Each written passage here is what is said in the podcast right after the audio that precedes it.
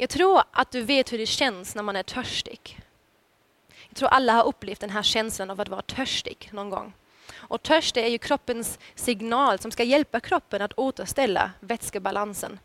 Och när kroppen förlorar vätska så blir vi törstiga och då behöver vi dricka. Och det bästa att dricka det är ju vatten. Och vatten är så underbart. Det känns så bra när man är törstig och sen dricker man vatten. Det känns så bra i hela kroppen. Och det var inte så länge sedan, um, ehm, för ett tag sedan när jag vaknade en natt och jag kände mig helt torr i munnen, helt torr i halsen. Så det var så konstigt att jag inte ens hade saliv kvar eller kunde producera någon saliv i munnen. Det var bara helt torr och jag har aldrig upplevt det innan. Och då gick jag och hämtade vatten. Och när jag började dricka vattnet så kändes det som att så här ska det vara. Det kändes som att vattnet spolade bort allt det torra så att jag, jag fick åter igen, fick balansen i kroppen igen, i munnen. Um, så det var, var helt fantastiskt. Uh, och jag vill läsa idag också en, te en text som handlar om törst, som handlar om vatten. Och vi har ju börjat ett nytt tema för den här månaden som heter Kom till källan. Och då vill jag läsa tillsammans med dig från Johannes evangeliet kapitel 7, vers 37 till 39.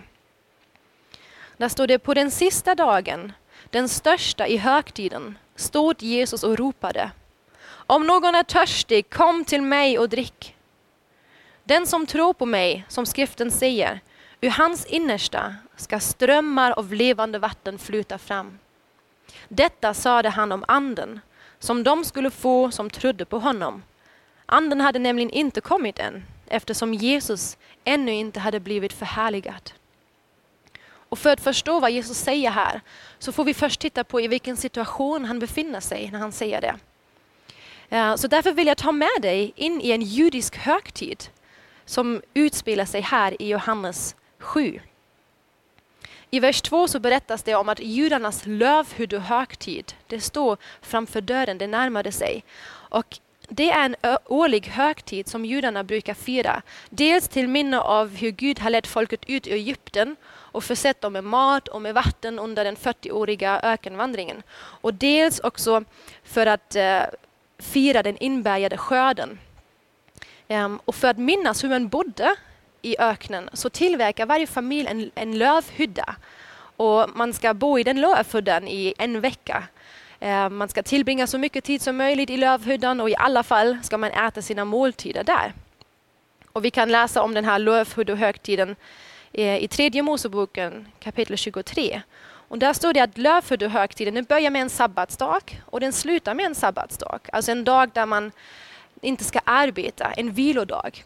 Och dagarna mitt emellan så firar man. Det här är en glädjens högtid. Det står i vers 40, på första dagen ska ni ta frukt av era vackraste träd, kvistar av palmer och grenar av blommiga träd och av pilträd och ni ska glädja er i sju dagar inför Herren är Guds ansikte. Så den här högtiden handlar mycket om glädje, om firandet. Och på grund av detta så uppstod det en tradition som kallas för vattenceremonin. Och det har sitt ursprung i Jesaja kapitel 12, vers 3. Där står det med fröjd ska ni ösa vatten ur frälsningens källor. Och det här stället det talar om att man med fröjd, med glädje ska ösa vatten ur frälsningens källor. Och under lövhyddohögtiden så skulle man varje dag offra offer till Herren. Och bland det var också dryckesoffer. Så med den här versen som utgångspunkt så uppstod den här vattenceremonin som upprepas varje dag under firandet. Och det var så att varje dag går prästerna till Siloakällan eh, vid Tempelberget nära Jerusalem. Och där fyller man en guldflaska med vatten.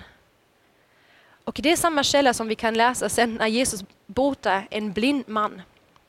Och man hittade denna källa faktiskt år 2004 eh, på en utgrävning, så man vet precis var den ligger.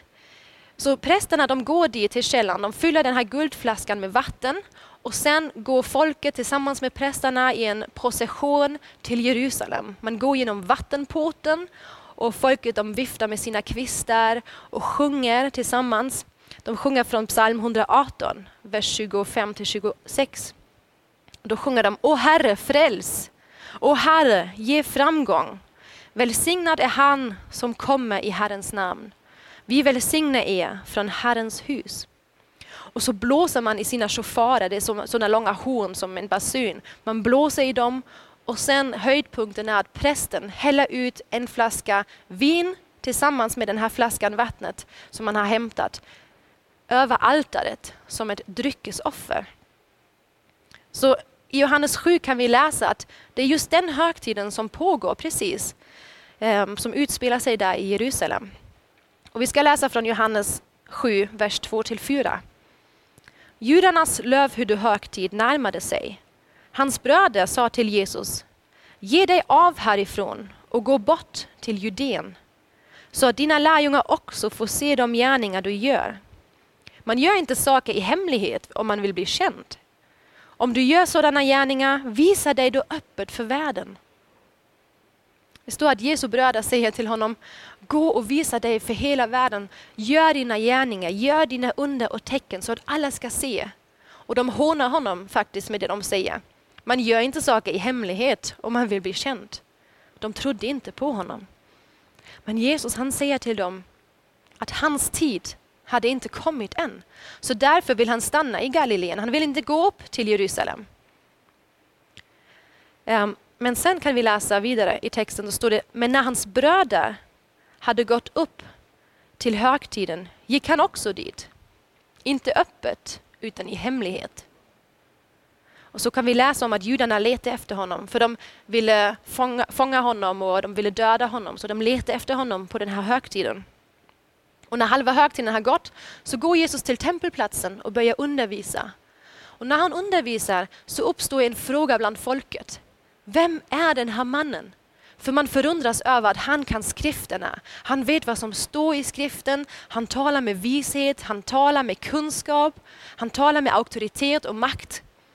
Så folket diskuterar med varandra. Vem är den här mannen? Och de, de vill inte diskutera öppet utan de viskar till varandra för de är rädda för fariseerna. Och vissa säger han är en god man, han måste vara Messias. Och andra säger nej, han vilseleder folket med sin undervisning. Och så står det i texten att många kom till tro på honom genom hans undervisning. Och detta gillade inte fariseerna. För de vill gripa honom, de ville stoppa honom. Men så säger texten, de kan inte gripa honom för hans stund hade inte kommit än. Och det är så härligt att man ser att Gud han har allting i sin hand. Jesus stund hade inte kommit än, så de kunde inte gripa honom den tiden. Så det är här den texten som jag läste i början kommer in. På den sista dagen, den största i högtiden. Och den här kallas för Hosanna Rabbah.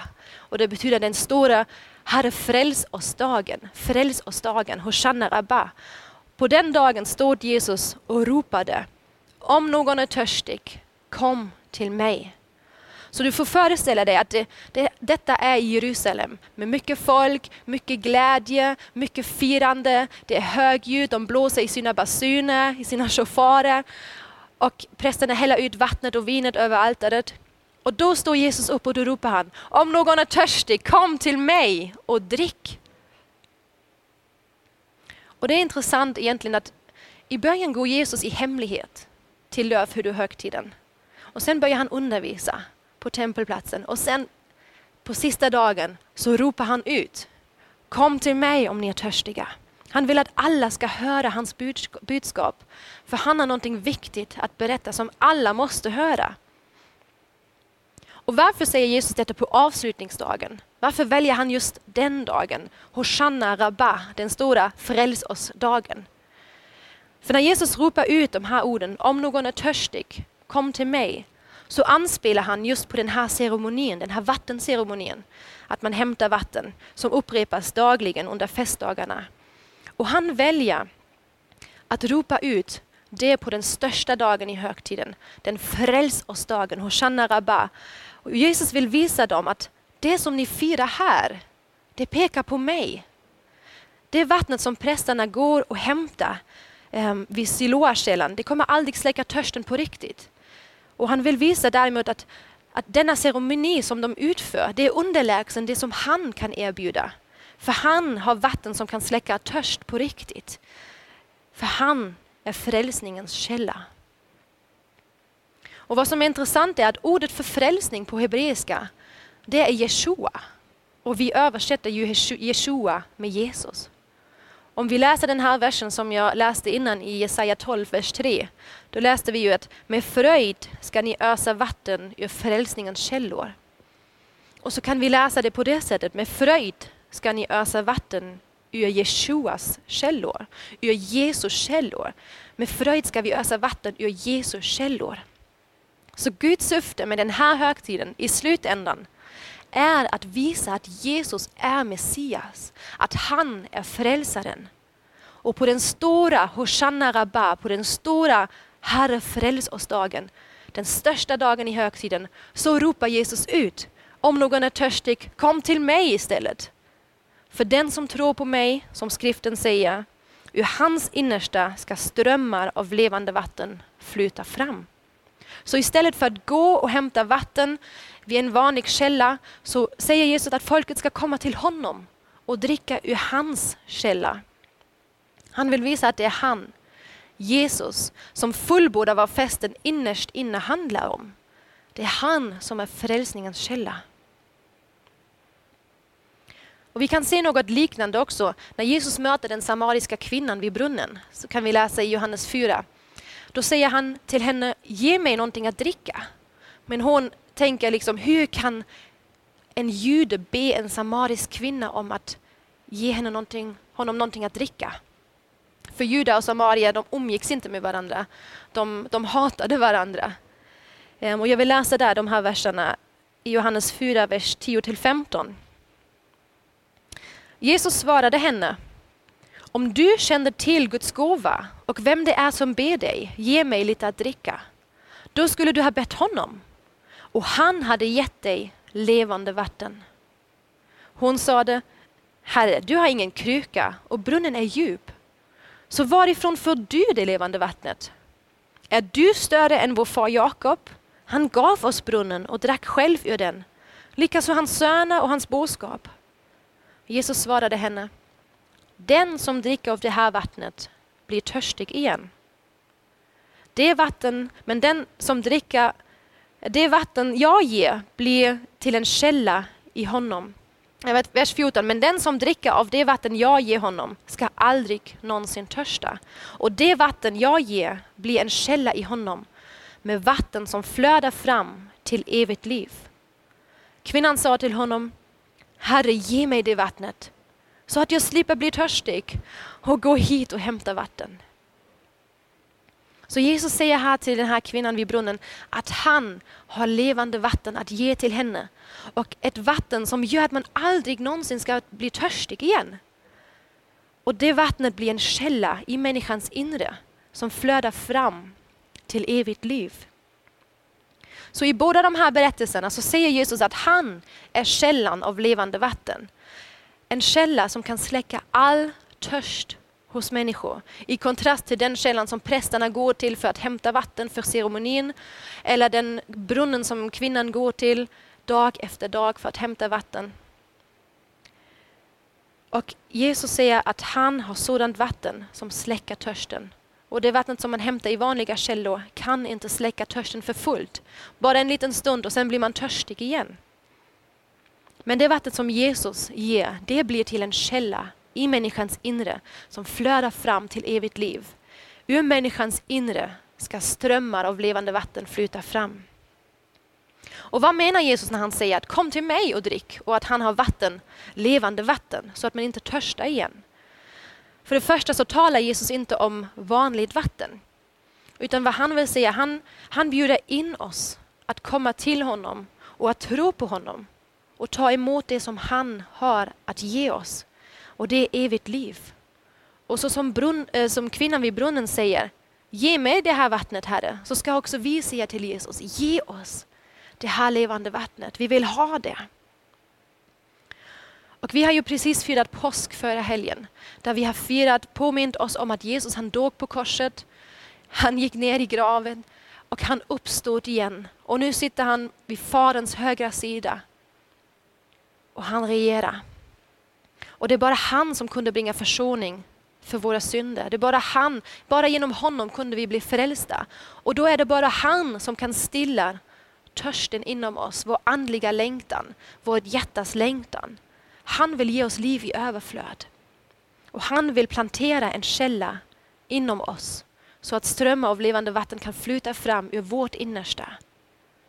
Så han bjuder in oss att komma till honom och att dricka ur hans källa.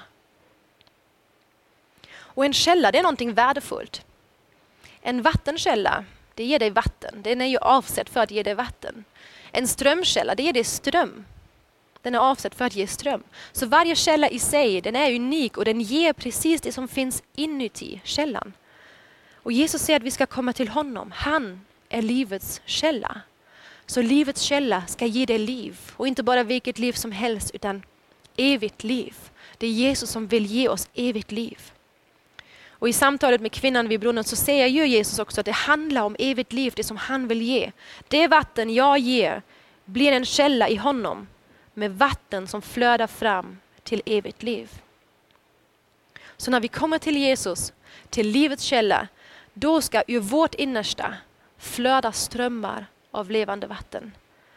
För han vill plantera den här källan inom oss. Och vad är det för strömmar av levande vatten? Det som jag läste i början i vers 39. Detta sade han om anden som de skulle få som trodde på honom.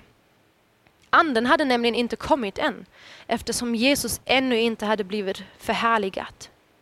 Så Jesus säger att alla som tror på honom ska få Guds ande. Jesus hade blivit förhärligad genom sin död, genom uppståndelsen, genom att han gått tillbaka till Fadern och sitter vid hans högra sida. Och nu ger han oss den heliga Ande som en gåva. Den heliga Ande, alla som tror på honom ska få en ny relation med den heliga Ande. Och det är Jesus som säger det här till judarna under den här högtiden. Och judarna de kände till begreppet Guds ande. Men i gamla förbundets tid så hade anden inte bort i alla människor. Anden hade inte uppfyllt alla troende. Utan det var bara några få som var uppfyllda av anden och oftast bara för en kort, kort stund. Men nu skulle detta förändras. Så som Joel profeterade, det står i Joel kapitel 2, vers 28 och 29. Och det ska ske därefter att jag utgjuter min ande över allt kött. Era söner och era döttrar ska profetera. Era gamla ska ha drömmar och era unga ska se syner. Ja, över tjänare och tjänarinnor ska jag i de dagarna utgjuta min ande. Så Jesus säger att anden ska vara tillgänglig för alla troende. Och inte bara som en kraft som verkar utifrån utan som något som verkar inifrån, från människans allra innersta. Och som förändrar och leder människan genom detta. Guds ande vill bo i vårt innersta. Himlens och jordens skapare vill flytta in i våra hjärtan. Och att ta emot den heliga Ande, det är något omvälvande, det är något starkt, något kraftfullt. Det är som en ström som flyter fram. Och det kan inte passera obemärkt för någon. Och allra minst för den människan som gör den här erfarenheten att man tar emot Guds ande. Så det är den källan som Jesus vill plantera inom oss. Den källan i vårt innersta som alltid förändrar oss, som förändrar våra liv, våra tankar, våra känslor, känslor vår längtan och vår passion. Det är den källan, den heliga Ande. För på samma sätt som vatten är nödvändig för vårt fysiska liv så är den heliga Ande nödvändig för vårt andliga liv. Och när vi kommer till Jesus så ska anden inom oss låta strömmar av levande vatten flyta fram. Och de här strömmarna ska inte bara välsigna ditt eget liv utan de ska också välsigna andra människors liv. När du har den heliga ande inom dig så ska det välsigna andra människor. Och den här strömmen som flyter fram ur vårt innersta, det är en ström av liv, en ström av glädje. Det handlar ju om glädjeström och Jesus säger det ju i sammanhang av den här glädjehögtiden. Att de ska ösa vatten med fröjd ur frälsningens källor. Det är en glädjefest. Och på samma sätt är det när anden kommer över en människa.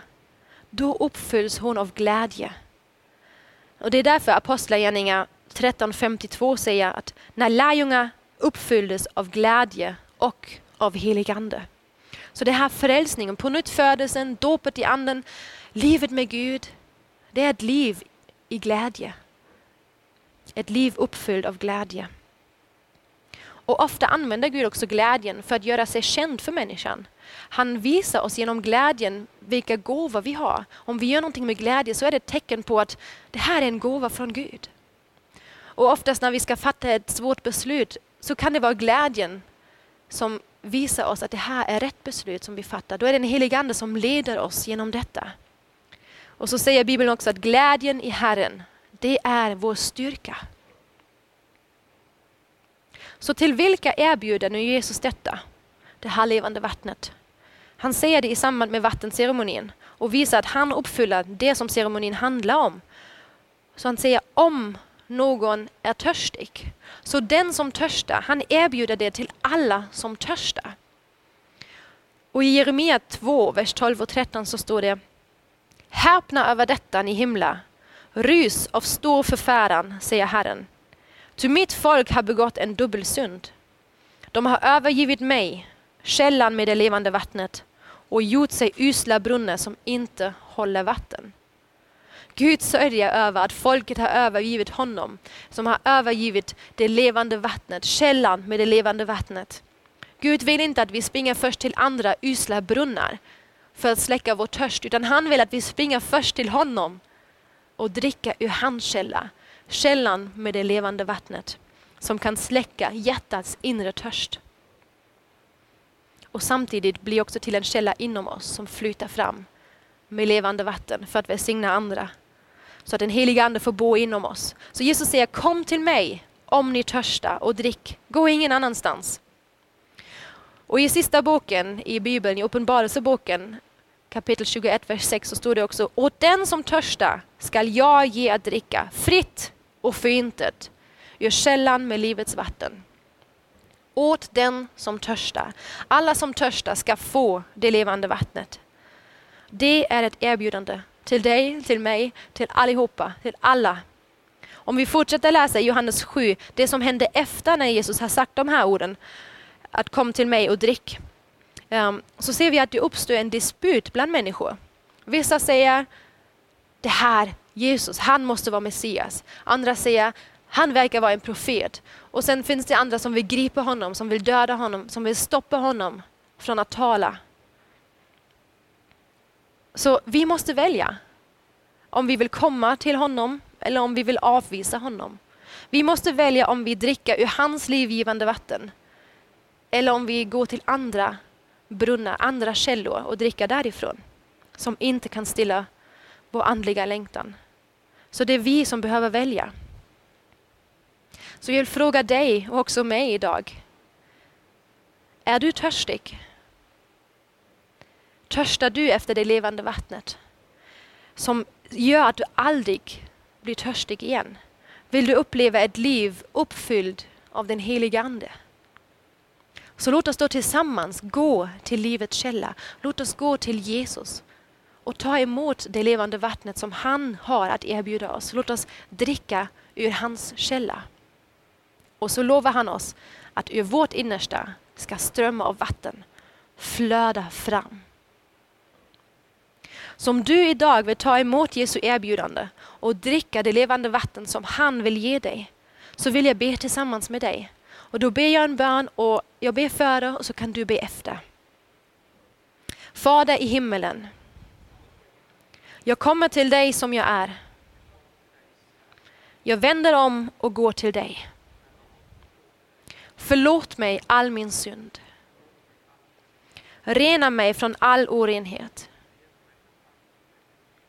Föd mig på nytt. Gör mig till en ny människa på insidan. Jesus, jag tror att du dog för mig. Jag tror att du uppstod igen. Kom in i mitt liv.